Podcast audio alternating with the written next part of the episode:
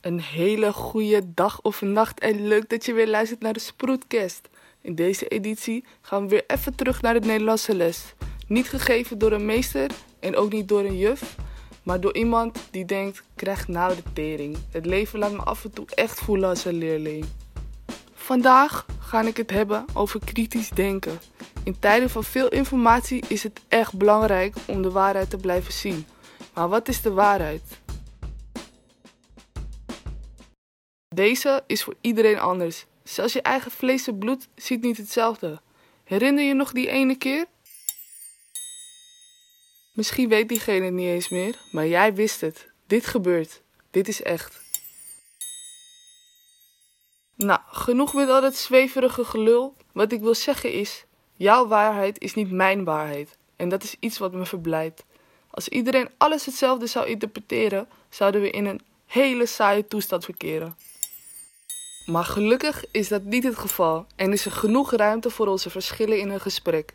Maar hoe weet je of iemand oprecht de waarheid zegt? Op sommige momenten voel je dat aan. Oké jongens, even tussen neus en lippen door. Ehm, de verkiezingen komen er weer aan. En mannen daar, en vrouwen ook trouwens, die proberen je af en toe te manipuleren door dingen te zeggen die helemaal niet waar zijn. Dus let vooral goed op en eh, neem het mee als je gaat kiezen. Want dat gaan we doen toch met z'n allen. Let maar eens op. Kijk maar eens aan. Zeg maar eens. Kijk me eens aan. De reactie van een lichaam zegt soms genoeg, maar ik neem hier geen genoegen mee. Daarom heb ik een aantal tips voor jullie, omdat ik vrijgevig ben. Het doel hierbij is om iemands mening te bepalen op meer dan alleen jouw gevoel. Een goed onderbouwde mening bestaat uit de volgende aspecten. De eerste is een standpunt, de tweede is een argument en de derde rechtvaardiging.